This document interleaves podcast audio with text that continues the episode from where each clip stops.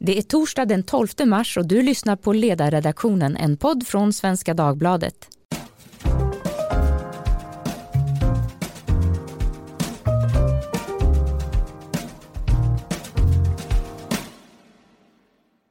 Jag heter Maria Ludvigsson och idag talar vi om corona och hur epidemin påverkar ekonomin i stort. Coronavirusets spridning och effekter har upptagit så gott som alla nyhetsbevakningar.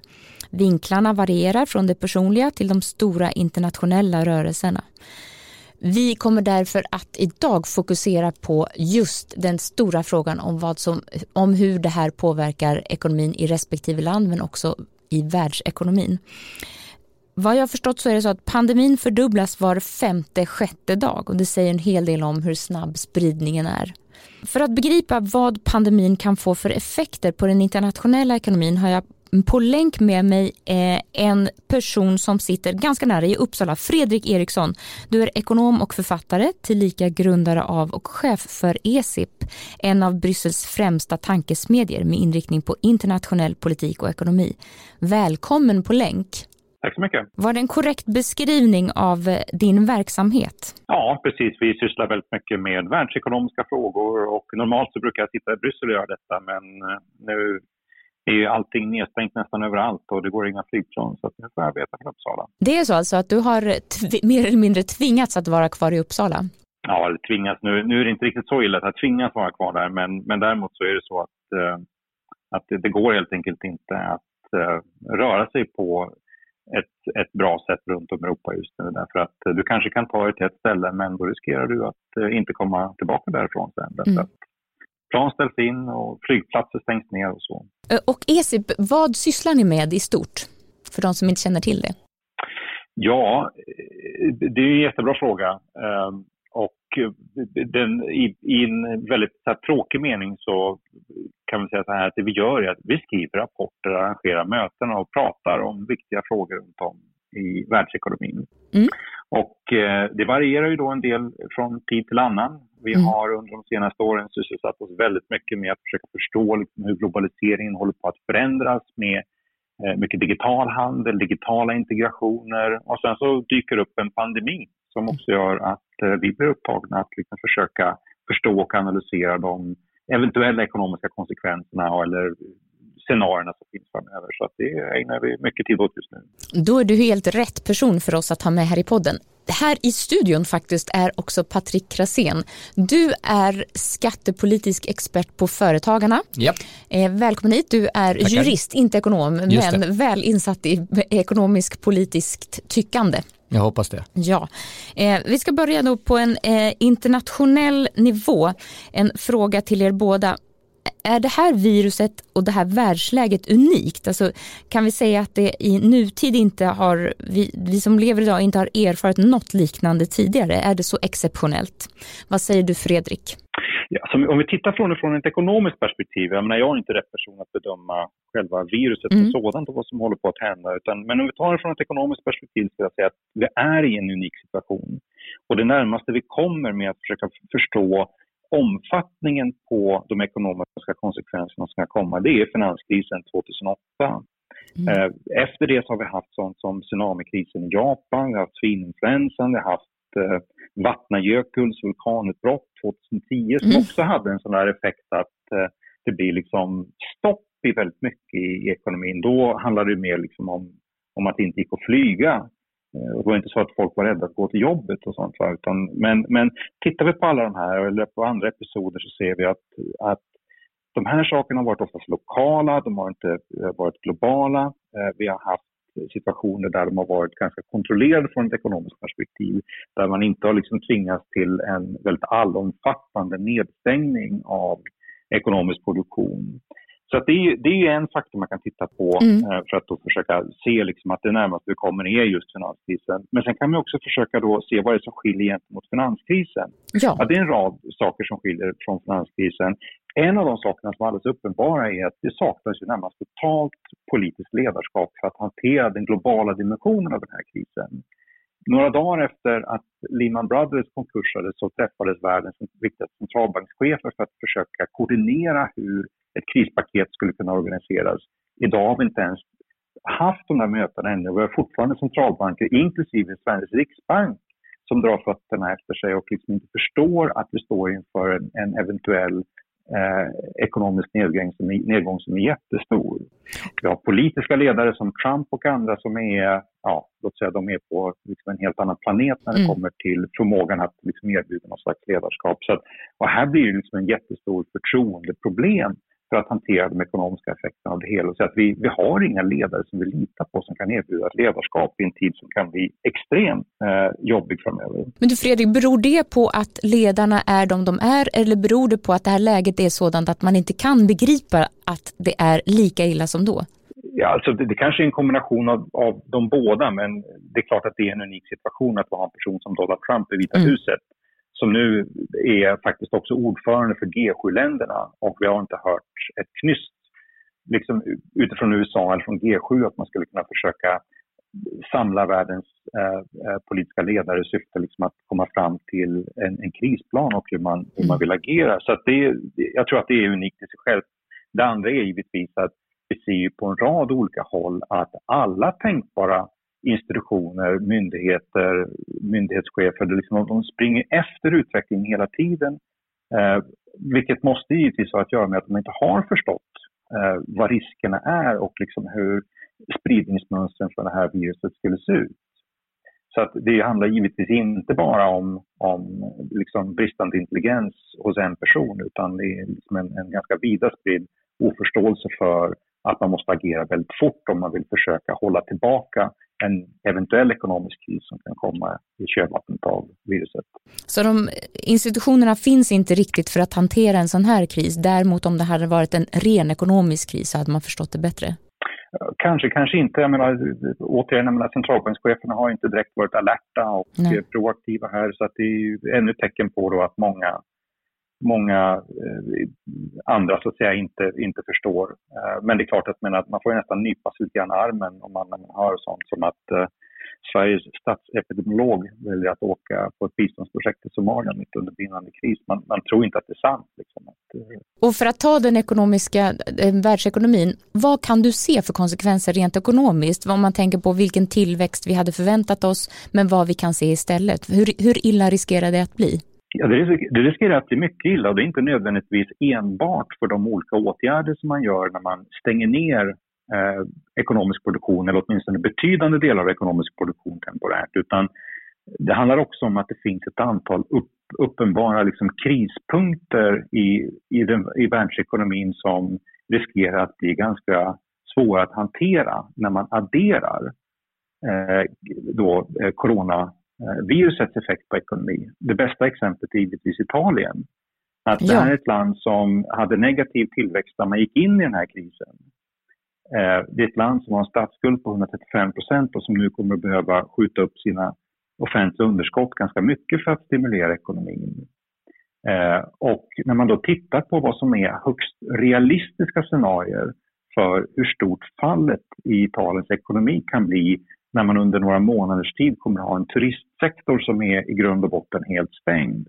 När man har en, en, en, eh, en handelsverksamhet, alltså på intern handel med butiker och sådana saker som kommer att stängas ner, så talar vi om eh, realistiska scenarier som handlar om att BNP kommer att falla med 5-10% under 2020. Och om du, om du adderar det till en situation där du har en, en obalans i de offentliga finanserna och i finansiella systemet redan när det startade så blir liksom, den här mixen blir liksom mm. oerhört, oerhört kritisk. Så att vi kommer att ha en situation ganska snart där vi kommer att ha högst stora tvivel på om Italien kan betala sina skulder. Det är oerhört allvarligt. Man kan ju också tycka att det förvånar mig en smula att det här är faktiskt första gången riktigt som vi hör den analysen och den beskrivningen av att det ekonomiskt är så allvarligt. Vad kan man göra då? Om vi tar Italien återigen då som ett så tydligt exempel. Ja, alltså det är ju tyvärr så att Italien har väldigt få saker de kan göra utan de behöver ha hjälp utifrån. Och de mm. behöver ha hjälp utifrån på flera olika sätt. Men det ena är att vi behöver ha en europeisk centralbank som kommer att gå in med gigantiska stimulanser för att i första läget underhålla bara det finansiella systemet så att det inte brakar ihop. Och i andra läget hjälpa till med att hantera det faktum att vad den här krisen nu håller på att utveckla sig till är att bli liksom en traditionell efterfrågekris.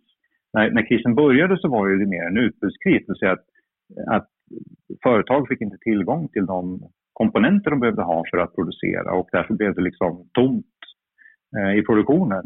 Men nu har vi, börjar vi komma till den punkten att folk kanske inte får lön, att eh, företag stänger ner, eh, och då har vi en efterfrågekris och då behöver man liksom in med gigantiska stimulanser för att bara liksom undvika att det här i sig kommer att driva på en ännu större kris. Så det första man ska titta på nu är ju centralbanker och centralbankers förmåga att kunna vara proaktiva och kunna visa på att man har en förståelse för magnituden och hur deras reaktionsmönster ser ut. Om, om X händer så kommer de att göra Y. Och, och, och det har vi inte hört ännu. Två frågor på det. För det första då, om de har den kompetensen, den förmågan som du säger, har de det? Och för det andra, vad är det de borde göra så att vi begriper, vi som eh, lyssnar?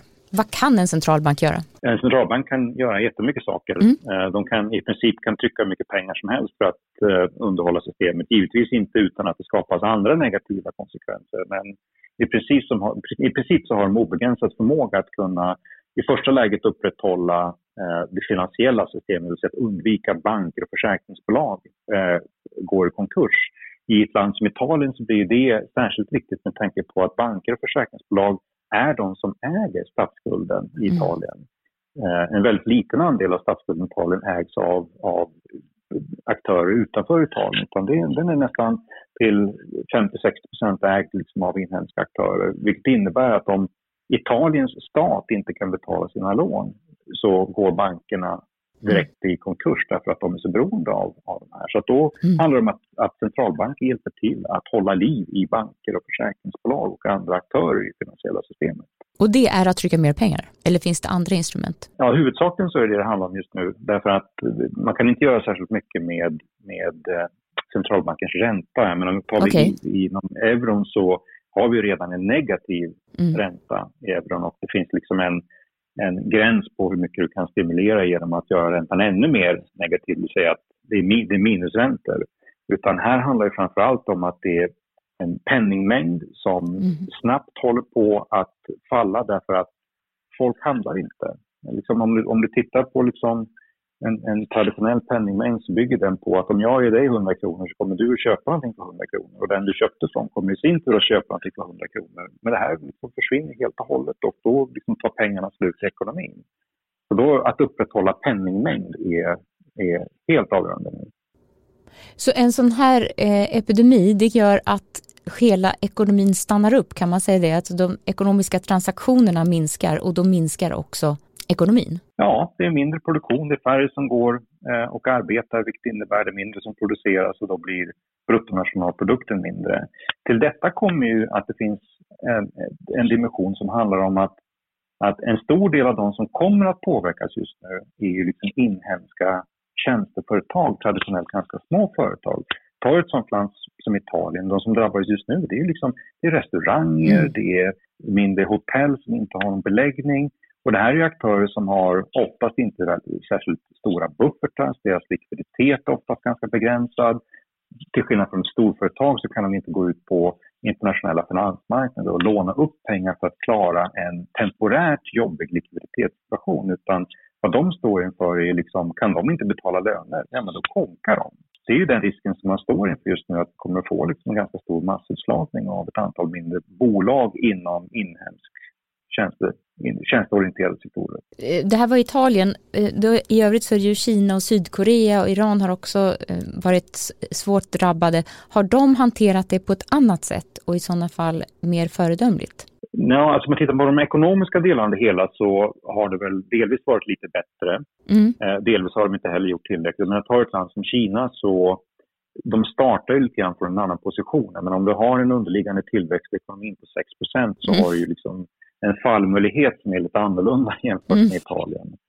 Eh, där har du haft ändå att centralbanken har gått in och stimulerat ganska mycket. Man, man förde framförallt in eh, stora volymer kapital in till banksystemet för att liksom upprätthålla det och undvika att vad som generellt sett är ett problem i, i Kina, det vill säga att, att ha väldigt högt belånade företag i Kina, att det i sig inte skulle bli en, en faktor som skulle spä på de ekonomiska konsekvenserna av att vi hade stora områden i Kina där man ställde in produktion under väldigt kort tid. Eh, Kina hade kunnat göra mycket, mycket mer för att mildra de ekonomiska konsekvenserna. Eh, men, men man, man gjorde åtminstone en del och man, man hade liksom utrymme från början på ett sådant sätt som till exempel Europa och USA inte har. Eh, för att bara ta en sista fråga också om världsekonomiska nivån. Världsbanken och IMF har, såg jag i The Economist, den här veckan avsatt 12 respektive 50 miljarder dollar för corona. Är det, är det sånt som de här institutionerna kan göra eller kan de göra ytterligare saker? Fredrik? Ja, alltså de volymerna är ju en piss i Mississippi i det stora eh, hela taget. Eh, det är klart att det inte är oviktigt att man kan frigöra de resurserna, men det här är liksom inte, det här är inte pengar som är på väg att, att ställas till världsekonomins förfogande just nu. Det IMF gör är att man förbereder sig på att om ett antal stater börjar hamna i betalningssvårigheter, ja, då kommer det finnas möjlighet att kunna ta upp nödlån från IMF. Eh, mm. Världsbanken försöker vara lite mer proaktiva genom att då satsa på ett antal områden runt om i världen som är underutvecklade och där man behöver ha en kraftig upprustning av, av sjukvårdskapaciteten för att då kunna hantera eh, om, om de skulle råka ut för liksom en smittspridning av det snitt som vi har sett i Kina eller Italien. Eh, så att det, det, det är ingen del av de här resurserna som egentligen handlar om någon allmän ekonomisk stimulans eller att man försöker att eh, liksom mildra att nedgången i, liksom, i affärslivet blir ganska påtaglig av det här. Utan det här är liksom krisåtgärder för eh, stater när de börjar hamna i stora problem och sen proaktiv satsning på de utvecklingsländer som inte har kapacitet att hantera smittspridning själva nu. Ja, just det. Och Världsbanken och IMF, de skulle kunna göra mer menar du? Och vad i sådana fall är det? Jag tror inte att de kan göra så mycket mer därför att de har inte mer pengar. Nej. Eh, utan jag tror att det, det, det vi tittar på är givetvis stater, alltså regeringar. I, I, Sverige så handlar det om att svenska regeringen måste göra mer och att eh, svenska centralbanken, det vill säga Riksbanken, kan göra mer. Det är de två aktörer vi ska titta på. Det är inte IMF, Världsbanken, det är inte EU utan det är huvudsakligen de inhemska institutionerna som har eh, den kapacitet och de volymerna till förfogande som gör att man kan få en effektiv motmedicin mot en, den breda ekonomiska nedgång som nu kommer att komma. Bra, då kommer vi in på Sverige. Vi blir lite mer, tittar på vår närmsta tillvaro istället. Eh, hur står sig Sverige i jämförelse med andra länder? Vi börjar med dig Fredrik, får du dra det och så vill vi gärna höra Patrik också om svenska företag. Ja, alltså Sverige är i grund och botten i ett positivt läge som mått att vi har offentliga finanser som har varit i schack och att vi har en låg statsskuld vilket innebär att vi har möjligheter att kunna belåna oss ganska kraftigt för att ta höjd på ett eventuellt stimulanspaket som kanske kommer att behöva vara i runda slängar 15, 20, 25 procent av BNP för att hantera liksom en, en värsta krisscenario. Så det är en bra utgångspunkt att börja på. Det som är lite bekymrande är ju att regeringen likväl som alla andra ger intrycket av att man är reaktiva, att man vill undvika att sitta med Svarte Petter på hand och ta ansvar själv och att man aldrig liksom ligger i, liksom i framkant och försöker liksom mildra eh, olika tänkbara oros, oroskänslor som många människor har med de scenarier man ser framöver. Eller att mildra liksom att finansmarknaderna börjar agera eh, på ett negativt sätt enbart därför att man saknar information eller saknar kunskap om hur reaktionsmönstret från den svenska regeringen ser ut. Så att jag hade mm. hoppats på att man skulle kunna vara lite mer i framkant från den svenska regeringen, att man eh, helt enkelt beskriver liksom att om X händer så kommer reaktionen bli Y så att man, så alla vet vad man har liksom att förhålla sig till. Men ja. utgångsläget är ju att, att resurserna finns där om man skulle behöva agera. Just det. Men det är lite yrvaket det hela. Ja. Patrik, vad säger du som eh, du finns på Företagarna och från företagarperspektiv? Eh, de har väl, ni har väl också mer att önska vad gäller regeringens och den politiska ledningens insatser? Ja, det är ju svårt att veta om så att säga, kompetensen finns. Man säger regeringen borde göra det här och jag håller med om det mesta som Fredrik säger men man kan ju inte anta att den kompetensen finns även i regeringens eh, stall så att säga att kunna göra alla olika scenarioanalyser och eh, komma ut med dem snabbt samt välja vilket besked man ska komma ut med. Om man ska eh, vänta lite grann med de mm, största kanonerna så att säga eller om man ska brassa på tidigt. Det kom ju ett, ehm, eh, ett besked igår om en extra ändringsbudget där vissa insatser görs, både vissa stimulanser, vissa ekonomiska tillskott till myndigheter och kommuner och regioner för att hantera Eh, hantera eh, sjuk, ökade sjuktal och, och eh, ökade behov av vård, men också vissa, vissa insatser riktade till företag, kanske främst mindre företag. Och då får man ju fråga sig vilken ska jag säga, spelplan eller kris, vilket krisscenario ska man utgå ifrån? Ja, då har man tittat på vad man gjorde i samband med finanskrisen. Man föreslår mm, till exempel då att Eh, Eh, man ska kunna skjuta upp inbetalning av eh, skatt, eh, arbetsgivaravgifter och medarbetares preliminärskatt i ett år och det löser ju många mindre företags mer akuta likviditetsproblem. Men om krisen är ihållande och man måste betala leverantörer och därmed inte ha marginaler sen kanske om ett år att betala igen skatten så kan man ställas då inför att kanske behöva gå i konkurs eller eh, behöva be om extra pengar. Så att eh, alla sådana här insatser kan ju sen bli självmultiplicerande så att säga. Om krisen visar sig värre så blir det svårt vid något tillfälle att säga ah, men nu kommer inte staten att skjuta till mer stimulanser vare sig till konsumtion eller för att hålla företag, hjälpa företag att hålla sig levande. Eh, de insatser som har gjorts eh, igår, eh, eller som har aviserats igår ska jag säga, de är på många sätt bra men vissa frågetecken finns eh, kring hur de praktiska fungerar. Den slopade karensdagen till exempel är en insats som förstås eh, gör att vissa människor i arbetskraften kommer att eh, så att säga kunna vara sjuka istället för att känna sig att de måste gå till jobbet och det kanske håller nere smittspridningen i viss mån men det finns fortfarande mycket oklarheter kring hur det ska ske praktiskt sett till vad Försäkringskassan kräver när det gäller sjukintyg och, och, hur man ska bedöma nedsatt arbetsförmåga etc.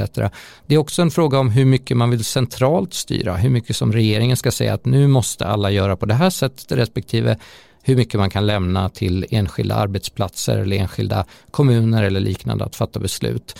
Jag vet arbetsplatser som har vidtagit väldigt stora åtgärder och som skickar hem eh, hela styrkor och eh, sanerar lokalerna återkommande med mera och som vet jag andra arbetsplatser som eh, inte ser att det är några riskgrupper och man ser inga spridningsrisker och då, då väljer man kanske att fortsätta som man, som man gör. Men för de minsta företagen speciellt kanske småföretag, familjeföretag och liknande, det finns ju inte på kartan riktigt att, så att säga, trycka på en pausknapp och sen nu är vi hemma. Ehm, eller om man jobbar i ett eh, jobb där man inte kan jobba hemifrån, om man är hantverkare eller eh, om man är egenföretagare och jobbar med, eh, säg till exempel större event, nu säger man att man då inte ska ha eh, ehm, arrangemang där det är fler än 500 personer på ett och mm. samma ställe vilket gör att många arrangemang och evenemang och event ställs in och det påverkar ju förstås alla som jobbar med den typen av event som kanske är mindre företag som är beroende av sådana stora betalningar som kanske kommer bara några gånger om året för att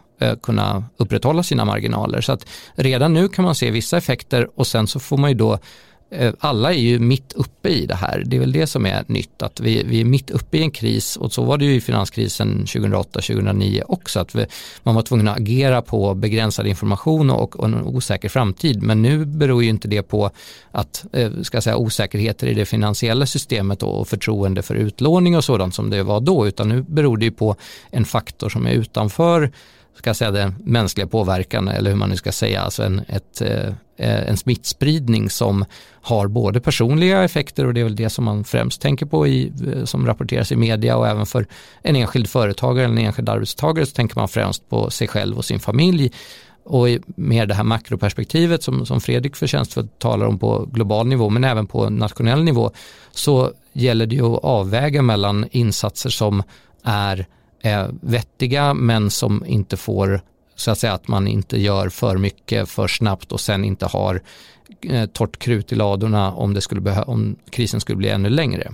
Förstår jag det rätt om du ser det som att det, de här politiska åtgärderna nu, de är mer inriktade på att stoppa smittspridningen än på den, det ekonomiska stödet till näringslivet? Det är så uppfattar jag det och det är väl eh, fullt rimligt att man i första hand ser till att smittspridningen hålls nere och sen kommer de ekonomiska effekterna för främst inhemska företag men även då företag som handlar globalt, de kommer ju att synas lite senare. Eh, det kan handla om dagar eller veckor, det kan handla om månader beroende på hur stora företag det är, vilka marginaler man har, hur långa leverantörskedjor man har och även förstås hur utvecklingen i andra länder är om det är så att eh, Kina och viktiga eh, exportrutter från Asien hålls, eh, ska jag säga inte igenstängda helt, men i alla fall inte är lika öppna som de har varit innan det här utbrottet. Om det pågår under en längre tid, ja då måste företag börja ställa om sin produktionskapacitet och sina planer inför kommande år. Det leder ju till neddragningar, minskade investeringar, så att även om man hanterar smittspridningen på relativt kort varsel Eh, förhoppningsvis kan Sverige göra det. Det kan inte jag bedöma om, om vilken kapacitet vi har så att säga. Men säg att man lyckas hantera smittspridningen så kan det fortfarande få effekter som kommer att ha eh, ja, negativa effekter för, för samhällsekonomin och speciellt för företagens ekonomi under, under flera år. Och då kan det ju vara så att de kortsiktiga politiska insatser som har gjorts nu behöver adderas. Att man måste titta på stimuleringar, eh, skattesänkningar för ytterligare incitament att anställa, andra åtgärder som gör att företagen har marginaler även under 2021, 2022 och framåt. Och det, är ju, det är intressant ur januariavtalsperspektiv får man ju säga. Man, man tittar på den här regeringen och den eh, riksdagskonstellationen har att förhålla sig till. Då är det positivt på ett sätt att det finns en samling kring vissa frågor, till exempel företagens sjuklöneansvar som både eh, Moderaterna och KD och SD och även Vänsterpartiet sedan tidigare har lyft att det här borde staten ta större ansvar för. Det är något som vi tycker är rimligt att eh, man ger en högre ersättning för speciellt de minsta företagens höga sjuklönekostnader. Eh, Fredrik, håller du med om eh, Patricks beskrivning här, vad som dels krävs då för att minska smittspridningen, men också den ekonomiska politiken, att den borde förändras på ett mycket mer djupgående sätt? Ja, absolut. Men idealt sett så eh, finns det ju mycket som behöver göras i Sverige mm. eh, inom fiskal budgetpolitik likväl som strukturpolitik syfte att liksom skapa en, en bättre underliggande dynamik i svensk ekonomi. Men svensk ekonomi är ju förvisso stabil utifrån ett fiskalt perspektiv men, men den underliggande trenden i ekonomin har inte varit positiv ganska lång tid utan det är dålig produktivitet, det är förhållandevis okej okay lönsamhet i de flesta bolagen men lönsamheten kommer inte liksom på grund av att det har blivit liksom så mycket mer kraftigare dynamik i ekonomin utan det är andra faktorer. Så att, men, men sen den andra frågan är ju när det kommer till åtgärderna och deras möjlighet att kunna stoppa smittspridningen. Men det är givetvis en av, en av huvudsyftena just nu, att man försöker driva ner den här hastigheten som smittan sprids på och undvika att man får en överbelastning på sjukvårdsresurser eh, så man kan liksom sprida ut sjukvårdsinsatserna på några månader snarare än att man ska försöka ta eh, alla under en kortare period. Eh, och att man därigenom hamnar i en situation, situation som man har i Italien, att man måste välja vilka patienter man behandlar. Kanske skicka, skicka hem en del som man inte tror har kapacitet att överleva ändå. Så att det är det man försöker att undvika. Det jag eh, försöker få eh, människor att vakna till är liksom att tittar vi på hur de rimliga scenarierna på smittspridning ser ut så kommer Sverige likväl som andra länder att följa det italienska exemplet. Vi kommer att röra oss mot en situation där vi kommer ha en allt större nedstängning av ekonomin. Och det är liksom ingen, det är ingen alarmistisk prognos där man ropar efter vargen utan det här liksom är vad som borde vara eh, huvudscenariot, ja, huvudscenariot just nu när man planerar för vad som kommer att hända även ekonomiskt sett. Och sett i det perspektivet där man då försöker förstå fiskala åtgärder och dess proportion Eh, så kan ju, de kan vara proportionella gentemot uppdraget att försöka begränsa smittspridningen just nu. Men de blir ju mm. totalt otillräckliga i perspektivet att vi kommer att behöva ha en nedstängning som är större mm. än det vi har just nu av ekonomisk produktion. Det där ger ju perspektiv. Dessvärre har vi just idag inte mer tid för att eh, lösa just de här problemen men vi kommer återkomma till den här frågan även i podden imorgon. Tack så mycket Fredrik Eriksson för att du var med. Tack Patrik Krejsén för att du var med. Och tack till er som lyssnade. Har ni synpunkter eller idéer om vad vi borde ta upp så hör av er till ledarsidan svd.se. Tack och hej!